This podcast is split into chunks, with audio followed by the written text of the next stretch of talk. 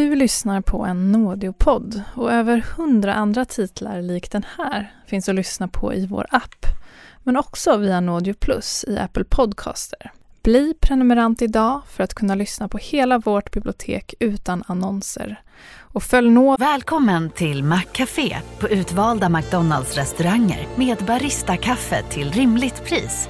Vad sägs om en latte eller cappuccino för bara 35 kronor? Alltid gjorda av våra utbildade baristor. Hej, Susanne Axel här. När du gör som jag och listar dig på en av Krys vårdcentraler får du en fast läkarkontakt som kan din sjukdomshistoria. Du får träffa erfarna specialister, tillgång till lättakuten och så kan du chatta med vårdpersonalen. Så gör ditt viktigaste val idag, lista dig hos Kry.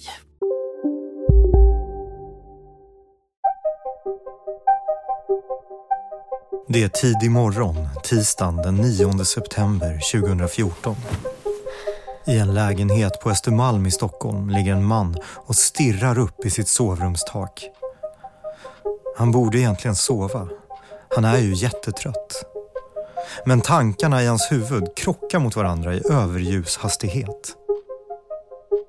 Så har det varit i ett par dagar nu. Gång på gång rullas filmsnutten upp för hans inre öga. Han ser hur han, Johan Karlström, VD för det svenska biometriföretaget Fingerprint Cards, bärs fram av en jublande skara människor. Men så var ju också Teknikmässan i Berlin veckan innan en succé. En tydlig vändpunkt efter flera års slit, tänker han. Där fick hela världen se hur den kinesiska mobiljätten Huawei presenterade sin nya mobiltelefon med en fingeravtrycksläsare från Fingerprint som en av de hypade funktionerna. You just now put your finger on it, then immediately the phone locks. So it's, it's so convenient, so simple. Det var ju ingen som som kom ner till, till den här mässan ifrån Fingerprint förutom Johan. För att man försökte få en inbjudan av Huawei för att få vara med då på, på deras event eh, som var ett av de största eventen som, som hölls där nere. Huawei-chefen Yu Chengdong är lyrisk när han pratar om den enkla men sofistikerade teknologin som det svenska företaget försett hans nya telefon med. I use this for several months now, this before the launch. But I feel my feeling is very, very. I love it. I, to be honest, I love this functionality. Really love this functionality. Det var ju en otrolig framgång och, och eh, den här mobiltelefonen får ju, får ju pris som mässans bästa produkt. Eh, Johan filmar ju hela det här. Han står ju själv med sin mobil och, och filmar hela eh, eventet och, och det då till både kollegorna på Fingerprint men också andra nära och kära eller folk som har investerat som, som han har kontakt med. Och själv så, är, så beskriver han det som att han, han var i princip tårögd och att det, det var en så otroligt härligt genombrott att få, få vara där. Den triumfartade veckan kröns av att Johan Karlström firar sin födelsedag hemma med familjen. Så det är en nybliven 51-åring som väcks av sin fru den där tisdagsmorgonen efter att han äntligen lyckats somna om. Vakna, säger hon medan hon puttar på honom. Det är någon vid dörren. Vem knackar typ klockan halv sex eller sex på morgonen om det inte är superviktigt? Och då är man lite omtumlad och man är ofta som sagt på plats i hemmet så då öppnar man ju dörren. Och när Johan då blir, blir väckt så är det ja, hans fru som då eh, buffar lite på honom och vill att han går och öppnar för att hon vill ju inte gå upp och öppna så här tidigt och det kan ju vara någon, någon, någonting som ja, obehagligt då. Så Johan slår upp dörren och tänker att det är någon granne, det kan ha varit något inbrott eller någonting och då är det en grupp eh, med eh, framförallt män då som står där utanför som vill komma in och eh, Johan förstår först inte riktigt varför men sen så, så förstås de har ju legitimerat sig men det tar ett tag när det är så tidigt att han är tydligen misstänkt då för insiderbrott och de ska komma in och göra en husrannsakan. En stark overklighetskänsla sprider sig i Johan Karlströms kropp. Det är ofattbart svårt att förstå. Man blir liksom passiv, har det beskrivits. Så att, ja, men man kan inte göra så mycket, det är bara att släppa in de poliserna. Och sen då tänka på att man vill kanske väcka resten av familjen så, så varsamt det går under de här nya omständigheterna. Att man har en massa främmande personer då i, hemma i sin, sin lägenhet. Fingerprint-VDn går in till sin dotters rum och väcker henne för att berätta vad som är på väg att hända. Sen tar hon en dusch medan en polis väntar otåligt på andra sidan badrumsdörren. Vattnet strilar ner över hans hjässa medan han stirrar in i badrumsväggen. Nyss kände han sig som en kung. Men nu har allt vänts upp och ner. Hur kunde det bli så här? Samma förmiddag är Fingerprint Cards finanschef Jens Räckman på väg till företagets huvudkontor i Göteborg. När han ska blippa sin nyckeltagg mot ytterdörren märker han att någonting känns fel. I ögonvrån ser han att han inte är ensam. Bakom honom står en grupp människor som han inser är beväpnade poliser. De enda orden Jens Räckman hinner få ur sig är Åh nej, inte nu igen.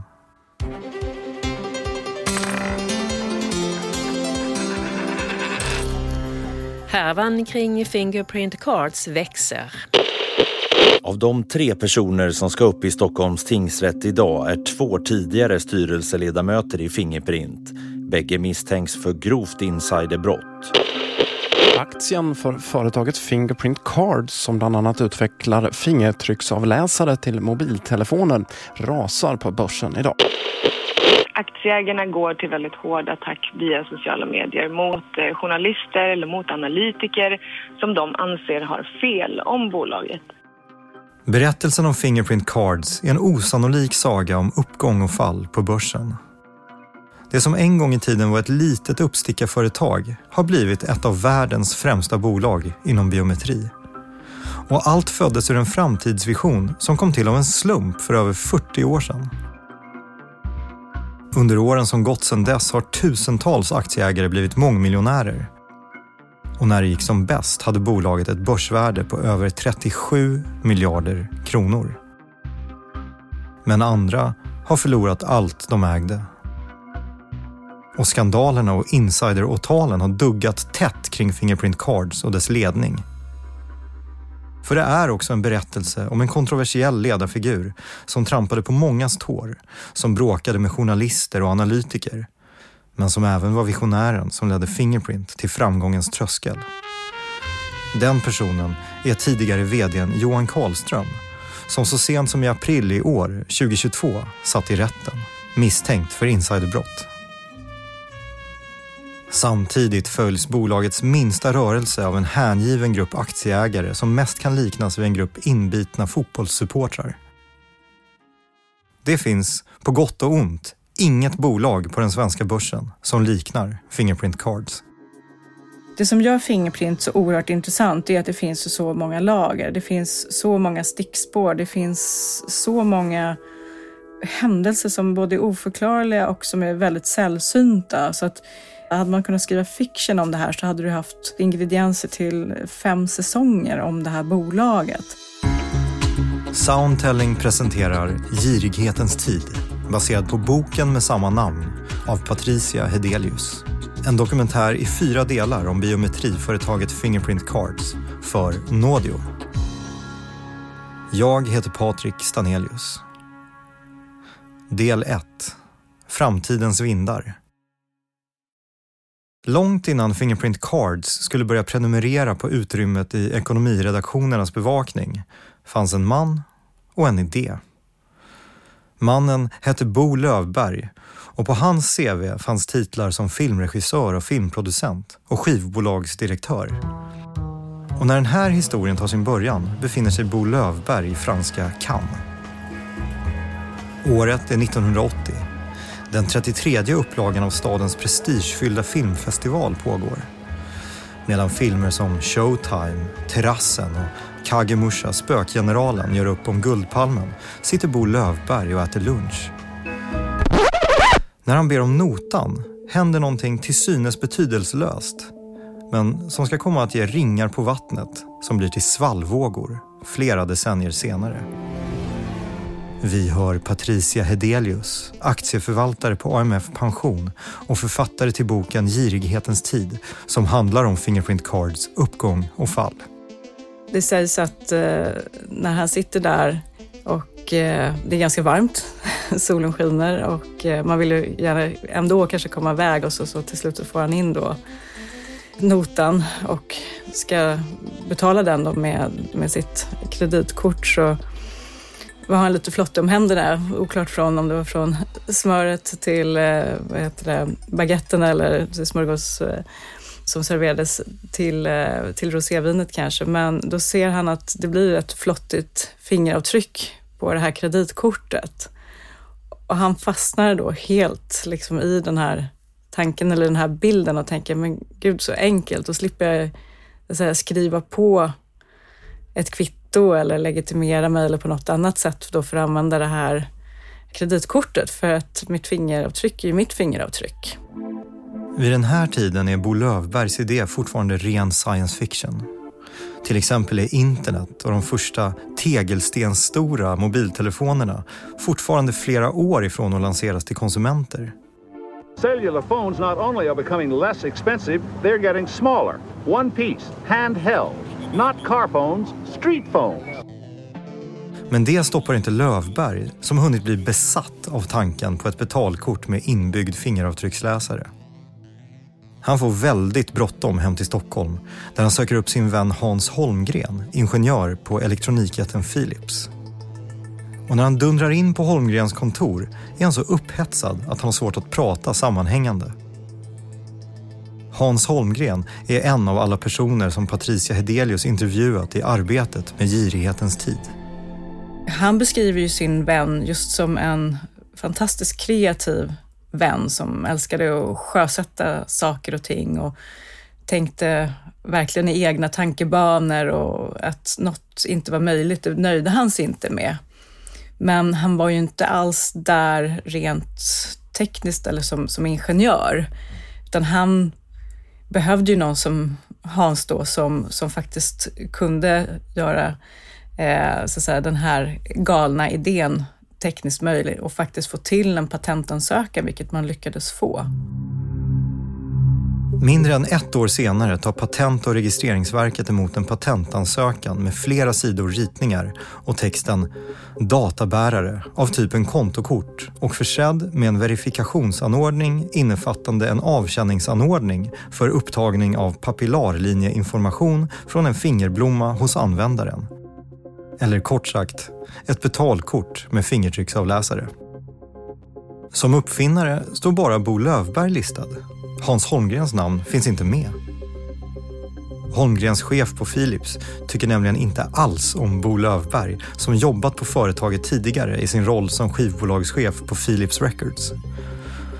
Av sin chef får Hans Holmgren rådet att ta bort sitt namn från patentansökan eftersom han anser att all koppling till Bo Lövberg är självmord för karriären. Då skrev han ju istället då sin väns namn på patentet och vilket gjorde då att han faktiskt har grämt sig lite över det här historiskt. När vi har pratat om det så känner ju han att det är Bos patent och inte hans eller ens deras gemensamma. Det, det gör ju att han fick ju inte någon ära av det och då ska man ju ändå veta att Hans bodde ju i en villa med sin familj och i källaren så hade ju han sin verkstad och där så höll han ju på att Eh, utveckla, forska och testa olika lösningar då för att det här patentet skulle kunna bli verklighet och att man skulle kunna få det så pass säkert också som man vill ha en patentansökan. Så att det var ju han som lade ner timmarna och det var ju Bo som hade varit nere i Cannes och haft det roligt och fått det här uppslaget. Så att det var lite orättvis fördelning där tyckte väl Hans eh, så här efteråt också med tanke på att eh, Fingerprints sensor faktiskt blev verklighet och blev en stor succé på många sätt. Patentet godkänns 1983 och Bo Lövberg och Hans Holmgren startar bolaget Fingerprint Security System databärare tillsammans med några vänner. Men mannen som gav namnet till Lövberg-patentet får aldrig se sin vision, den där tanken som uppstod tack vare ett flottigt fingeravtryck en solig majdag i Cannes, förverkligas. Han går bort i cancer 1986. Men idén lever vidare. Hans Holmgren och Bo Lövbergs vänner fortsätter driva Fingerprint Cards som ett hobbyprojekt medan de letar efter någon som vill investera i företaget eller köpa patentet. Tio år efter Bo Lövbergs död får de till slut napp. I Göteborg finns företaget Finansforum vars affärsidé går ut på att sålla igenom mängder av patent för att komma fram till guldklimparna. Finansforum drivs av affärsmannen Lennart Karlsson och han kommer att få en viktig roll i den här berättelsen. För det är Lennart Karlsson som får upp ögonen för Lövberg-patentet. Han lovar att hitta någon som vill satsa pengar på företaget. Men i slutändan bestämmer han sig själv för att köpa Fingerprint till ett pris av 6 miljoner kronor. Hans Holmgren kan äntligen casha ut, lättad över att han och de andra tjänat en hacka, men också besviken över att hans namn inte kommer stå med i historieböckerna. Hans del i den här berättelsen är över. Men för Fingerprint har resan bara börjat. Årets julklapp är ett internetabonnemang. 300 000 abonnemang kommer vid årsskiftet att finnas i Sverige. En tiodubbling mot 1995. Det tidiga 90-talets finanskris med störtdykande fastighetspriser, massarbetslöshet och dalande konsumtion ligger i backspegeln. Nu närmar sig millennieskiftet med stormsteg.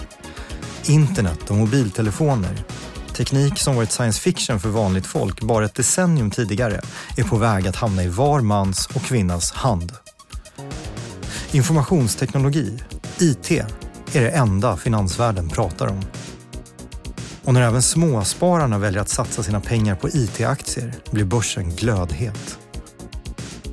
Plötsligt finns också en ny sorts kändis på scenen. De unga, kaxiga IT-entreprenörerna. Framtidsambassadörer som representerar vad som ska komma att kallas den nya ekonomin. Internetkonsulten Framtidsfabriken har nu ett lika stort börsvärde som byggjätten NCC. Det är här alla pengarna ska tjänas. Industrisamhället är slut. Ikon kämpar vidare för att försöka hålla en tillväxttakt som motsvarar aktiemarknadens högt ställda förväntningar. Målet är att spotta ut internetbolag på marknaden. Sen började vi få de här företagsprofilerna som var lite mer som rockstjärnor också. Man då tittar i slutet på, på 90-talet, Johan Stahl från Holstein och eh, Jonas Birgersson på, på Framtidsfabriken. Att det blev som ett nytt stånd så att säga, mellan bönder och präster och, och den breda allmänheten så fanns ju också de här internetbolagen eller de som var relaterade dit. Om 90-talets början kan liknas vid en depression är decenniets slut den stora festen. Börsen slutar aldrig att stiga. Det skålas i champagne över lunchborden i Stockholms finanskvarter. Framtidstron går att ta på. Och Patricia Hedelius befinner sig mitt i händelsernas centrum. Jag började faktiskt jobba med företagsaffärer på en investmentbanksdel, så att säga, på en svensk bank 98 när jag gick ut från Stockholms universitet och hade läst finansfördjupningen där och eh, det var ju riktigt högtryck för att göra företagsaffärer och göra börsnoteringar och det var höga värderingar och eh, så att säga, aktiekurserna gick upp från dag till en annan hela tiden. Men var är då Fingerprint i allt det här? Och varför är det här viktigt för att förstå vår historia? Jo, 1998, samma år som Patricia Hedelius börjar jobba med företagsaffärer på en bank, smider Lennart Karlsson planer för Fingerprints framtid. Efter att ha köpt företaget från uppfinnaren Bo Lövbergs vänner sätter han sig själv i vd-stolen. Vid den här tiden är telekomföretaget Ericsson Sveriges största företag och därför också Stockholmsbörsens kronjuvel. Så när Lennart Karlsson lyckas förhandla fram ett samarbetsavtal mellan Fingerprint och Ericsson måste det ändå betraktas som ett genidrag. Avtalet går i princip ut på att Ericsson lovar att anlita Fingerprint den dagen de tar fram en mobiltelefon med fingeravtrycksläsare. 1998 ligger alla sådana planer fortfarande i framtiden. Men trots att Fingerprint inte har en färdig produkt att visa upp för omvärlden så innebär Ericsson-kopplingen att potentialen är oändlig. Det är i alla fall bilden som Karlsson vill förmedla när han blir intervjuad i Dagens Industri i april det året. Han säger Vi lämnar i nuläget inga prognoser om framtida försäljning eftersom om vi lyckas så kan det bli så ofantligt stort att det nästan verkar löjligt. Relationen mellan Fingerprint Cards och Dagens Industri ska komma att bli komplicerad med åren. Men våren 98 är tidningen imponerad av potentialen i företaget och rekommenderar aktien inför den stundande börsnoteringen. Lennart Karlssons ord och analysen från Dagens Industri är precis vad de potentiella investerarna vill höra. Det blir tydligt när handeln med Fingerprint-aktien inleds i maj 1998 och kursen omedelbart rusar med över 60 procent. Lyckoruset håller inte i sig. Många aktieägare bestämmer sig för att ta hem vinsten och efter ett par månader har Fingerprints aktievärde halverats. Men företagets första dans på börsen har inte gått obemärkt förbi. För det är nu som en person som ska komma att spela en otroligt viktig roll i hela historien om detta märkliga företag kliver in i handlingen. Varmt välkomna! Idag har vi ju med oss en trevlig gäst. Eller hur Andersson? Ja, det är helt fantastiskt. Ett specialavsnitt med den eminenta profilen. Eller ska vi kalla det det? kan vi göra. När en aktieintresserad ingenjörsstudent i Borås sträcker sig efter en veckogammal affärstidning hösten 1998 vet han inte om att hans liv är på väg att förändras för alltid. Han brinner för teknik och ägnar mycket tid åt det nya fenomenet börschattar och aktieforum. Kom ihåg att allt det här händer flera år innan Facebook lanseras och innan folk interagerar med varandra på nätet med sina riktiga namn. Vid den här tiden är det mycket vanligare att folk som skriver i chattrum eller på forum eller skriver bloggar gör det under olika alias. Det gör också vår huvudperson för stunden, som blir känd under namnet Crowhater. Det är ett smeknamn som anspelar på att han faktiskt verkligen inte gillar kråkor. När han läser igenom börslistorna i den gamla affärstidningen är det ett företagsnamn som sticker rakt ut ur pappret och bränns fast på hans näthinnor.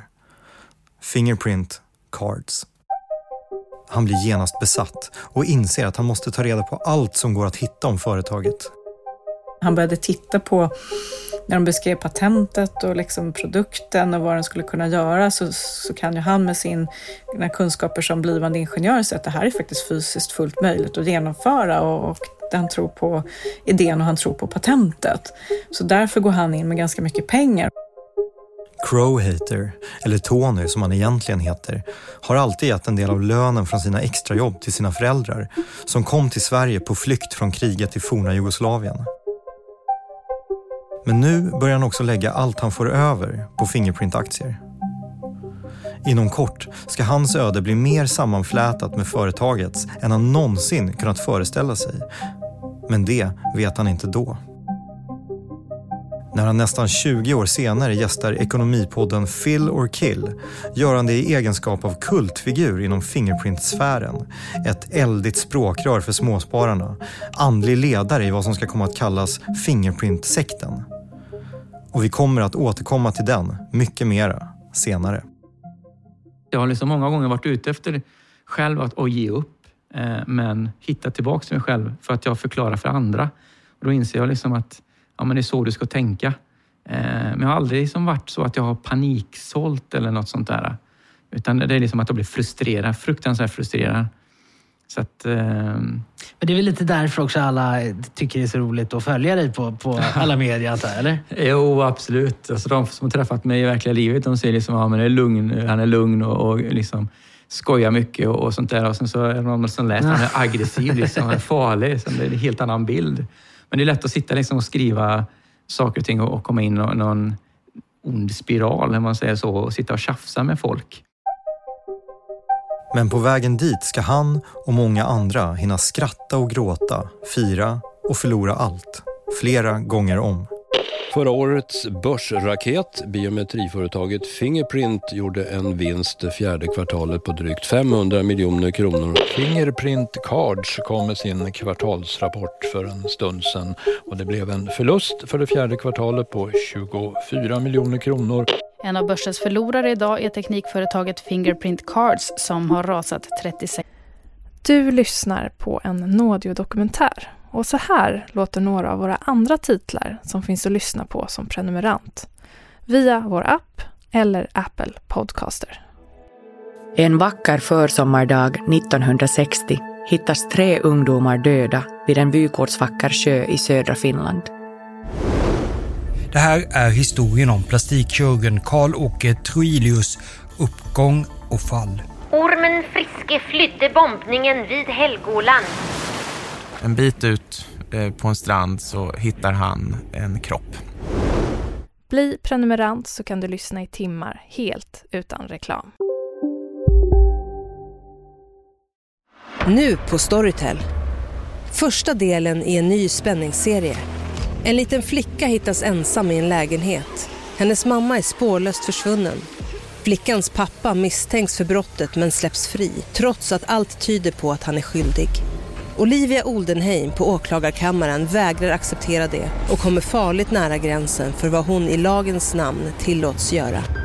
Lyssna på När allt är över av Charlotte Al-Khalili på Storytel.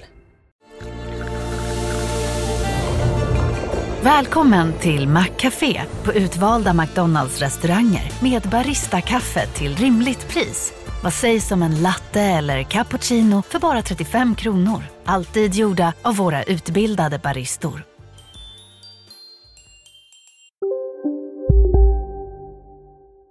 procent efter en svag rapport. Fingerprint Cards rapporterar en förlust för det tredje kvartalet på 11 miljoner kronor.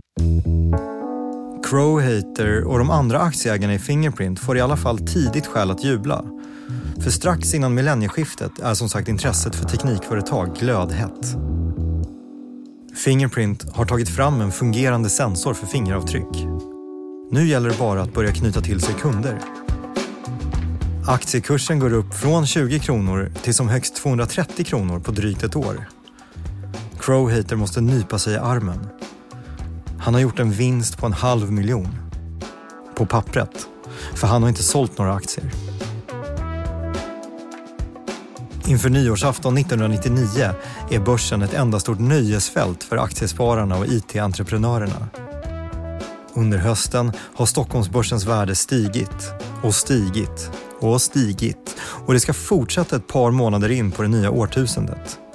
Fingerprint Cards värderas till nästan en miljard kronor och bland övriga företag slås nya kursrekord i princip varje dag. Sen kommer kraschen.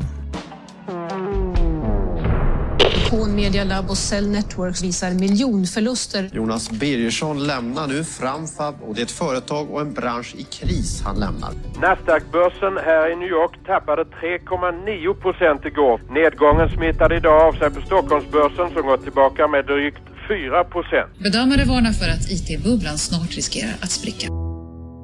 E-handelsföretaget Bo.com blir det första offret när den så kallade IT-bubblan spricker. Bo.com drar in och gör av med 1,4 miljarder kronor i riskkapital för att sjösätta en affärsidé som känns självklar idag. Att handla kläder på nätet. Men när sajten lanseras 1999 klarar dåtidens slöa internetuppkopplingar inte av att ladda den. Det som skulle ha blivit en visionär succé slutar med att det bara läggs några hundra beställningar i veckan fram till att företaget går i konkurs i maj 2000. Plötsligt börjar det gå trögt även för Ericsson. Kronjuvelen blir ett sänke när företaget dalar i värde med 1400 miljarder kronor åren 2000 till 2002. När eh, marknaden började vika där i, i början då på 2000 så, så var det många som inte, man, man såg det inte utan man tänkte att det här är ju bara ett hack i kurvan. Och sen så, så fortsatte det ganska stadigt neråt det gick ganska snabbt ifrån att vara fantastiska utsikter. Jag tror folk hade det att räknat med att både köpa nya lägenheter och bilar som jobbade i finansbranschen och även de här IT-konsulterna då som satt på stora optionsavtal och som skulle bli extremt förmögna när aktiekursen bara skulle dubbleras en gång till på deras håsade IT-företag. Det var, det var ganska hårda smällar eh, runt omkring en. Våren 2000 blir katastrofal för de aktiespararna som lockats med i börsyran sent. Många som har köpt IT och teknikaktier när priset legat på topp står nu utblottade. För Fingerprint är smällen inte lika förödande, åtminstone inte till en början.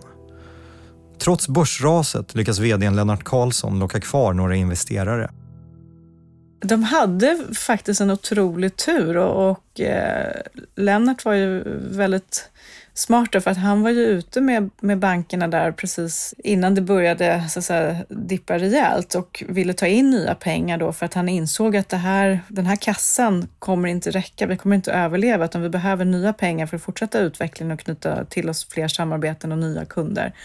Eh, så att han fick ju ändå in runt 230 miljoner kronor när kursen nästan hade halverats. Så att det, det var det var jobbigt för dem som så att säga, tecknade aktier, för, för aktien fortsatte att falla sen, men då kunde man fortsätta utveckla och försöka hitta nya kunder och samarbetspartners. Ett tag ser Lennart Karlsson till och med ut att kunna vända den nedåtgående trenden.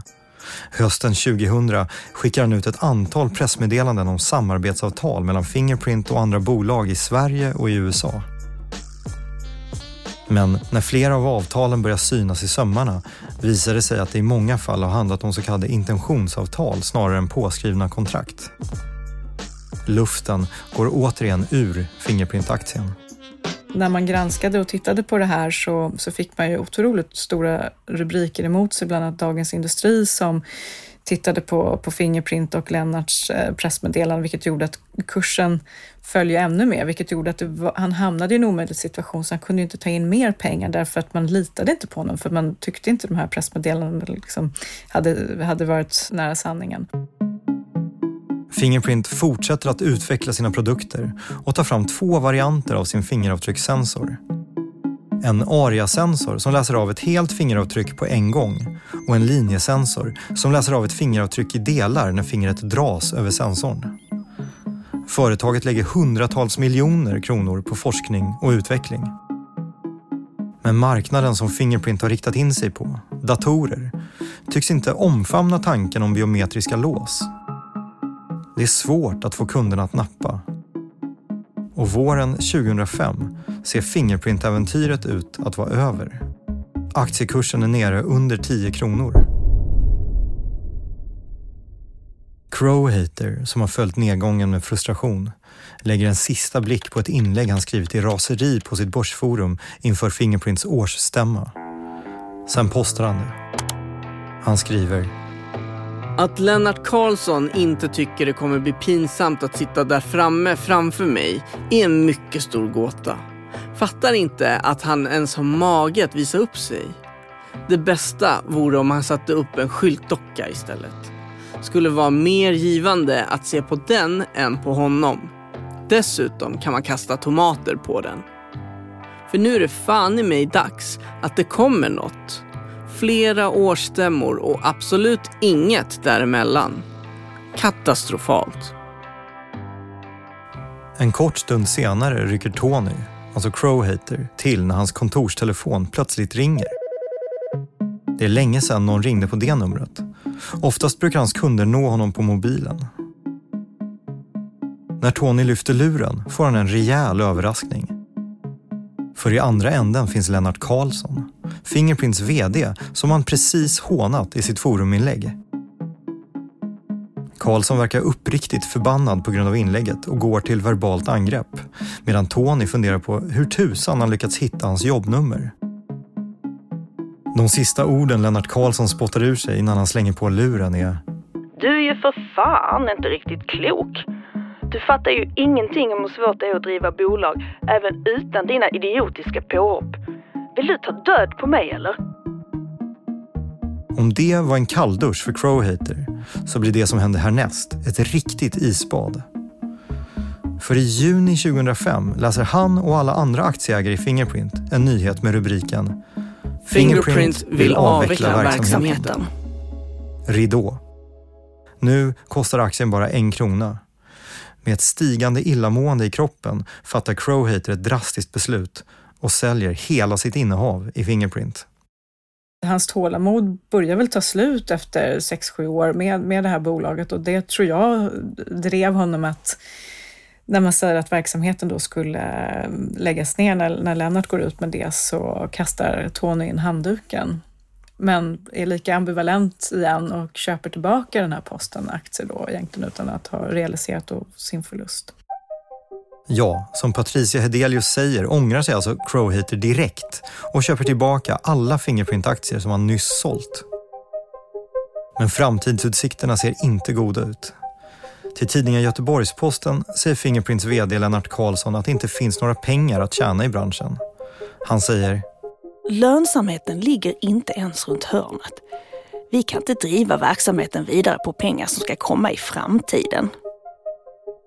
Lennart Karlsson signalerar alltså att nu ger han upp. Eller? Kan det finnas en annan baktanke? En tolkning kan vara att han försökte få fram en budgivare eller någon som skulle investera mer pengar och därför så, så valde han att gå ut med ett pressmeddelande där han skrev att vi, vi, vi, lägger ner verksamheten. Men det fick ju alla de här småspararna som hade kämpat på och eh, vägrat att sälja utan känt att den här förlusten vill man ju vända tillbaka till, till en vinst då. Det fick ju dem att sätta kaffet i halsen och eh, också fråga sig vad som hände för tekniken fanns ju där, produkten fanns ju där men, men liksom man behövde mer försäljningsresurser då. Men då hittade i alla fall, alltså Lennart lyckades ju locka fram en en tidigare affärskontakt, då, ett japanskt bolag som hade varit intresserade av tekniken då och som också hade väsentligt mer pengar då att investera i, i Fingerprint. Så att man låter helt enkelt det här japanska bolaget köpa in sig i Fingerprint. Nej, Fingerprint går inte i konkurs 2005 utan den här historien kommer att fortsätta i många år till. Nyheten om att det japanska bolaget Techno Imagia blir ny storägare i Fingerprint basuneras ut i oktober 2005. När Crowhater läser det gråter han glädjetårar. Sen loggar han in på sitt börsforum och skriver ett långt och kärleksfullt inlägg där han hyllar Lennart Karlsson som han beskriver som hjärnan bakom räddningsaktionen. Men det ingen av forumanvändarna och aktieägarna vet då är att Lennart Karlsson och det japanska bolaget har någonting i kikaren som kommer att göra dem rasande och förtvivlade igen. Det är en plan som ska komma att stoppas av ett felskickat mejl.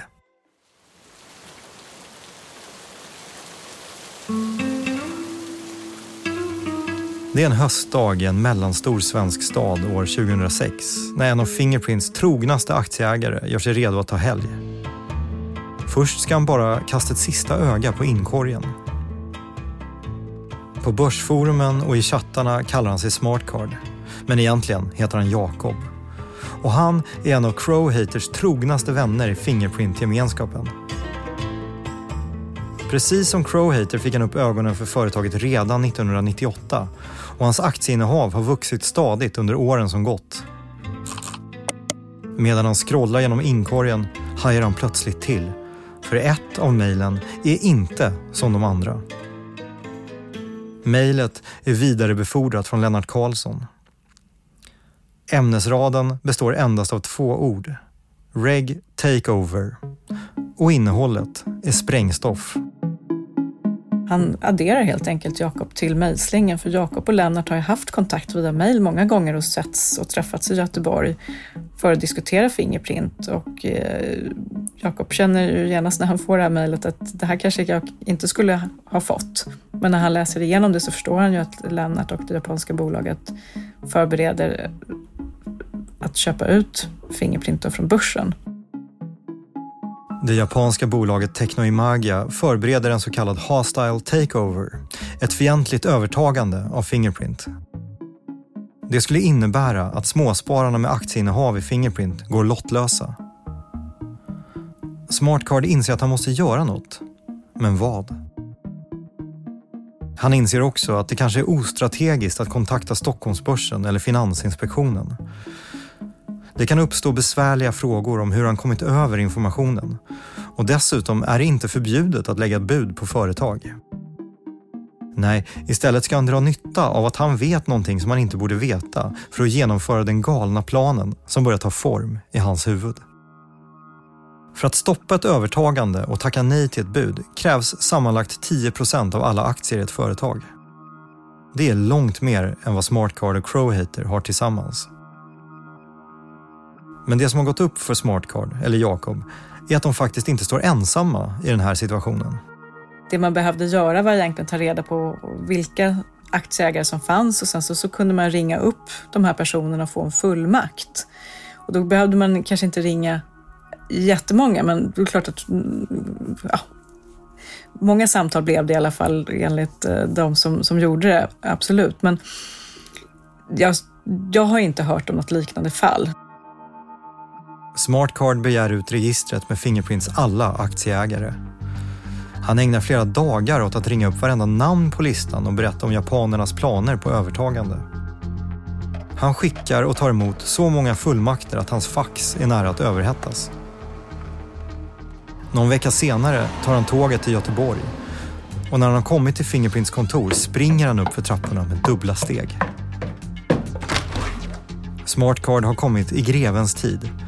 För i konferensrummet ser han en grupp kostymklädda personer som han misstänker är japaner. Han hinner inte granska gruppen närmare eftersom hans synfält plötsligt fylls av en otålig Lennart Karlsson som undrar vad han gör där. När han förklarar att han känner till japanernas bud och att han är där för att stoppa det blir han avbruten av Karlsson som försöker mota ut honom.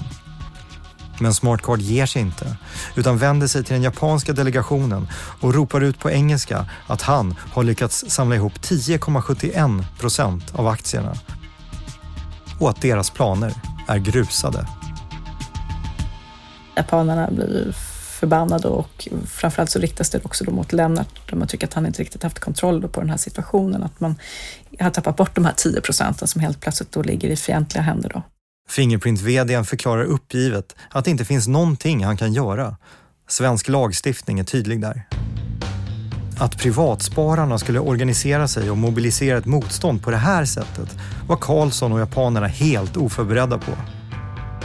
För trots att det ska dröja ytterligare några år innan Fingerprints aktieägare ska liknas vid en sekt så är de redan här, 2006, unika i svenska börssammanhang.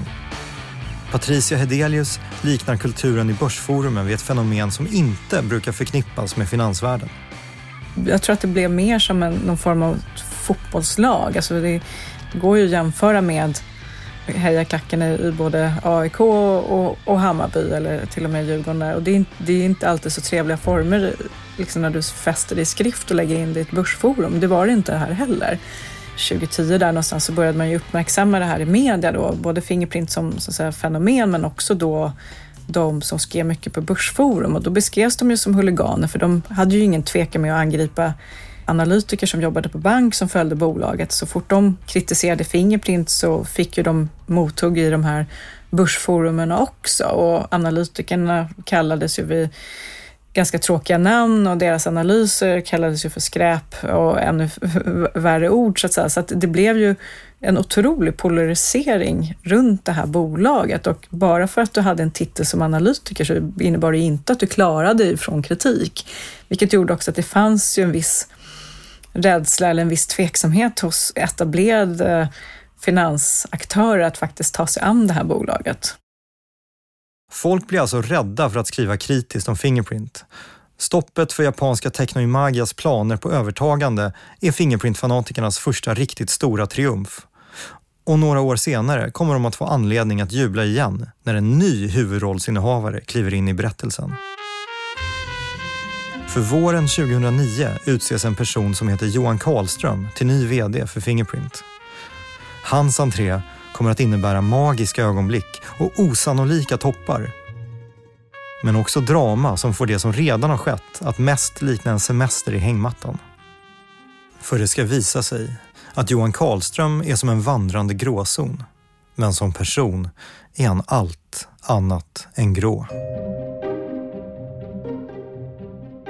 Nästa avsnitt av Girighetens tid Varbergs tingsrätt fäller en tidigare chef på det börsnoterade IT-bolaget Fingerprint Cards till ett års fängelse för grovt insiderbrott och försök till grovt insiderbrott.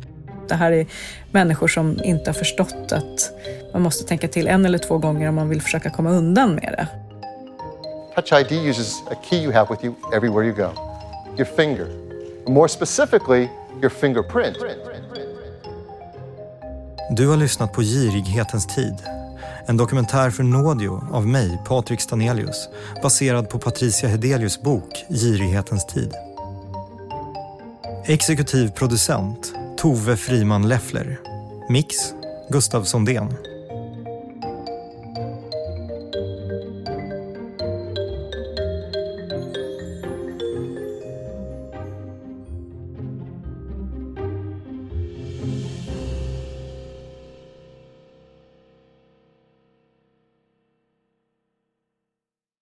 Tack för att du lyssnat. Följ gärna Naudio Docs och glöm inte att mängder av dokumentärer väntar på dig i Naudios app eller via Naudio Plus i Apple Podcaster. Bli prenumerant så kan du lyssna i timmar helt utan Ska några små tassar flytta in hos dig? Hos Trygg Hansa får din valp eller kattunge 25% rabatt på försäkringen första året. Läs mer och teckna djurförsäkringen på trygghansa.se. Trygg Hansa, trygghet för livet.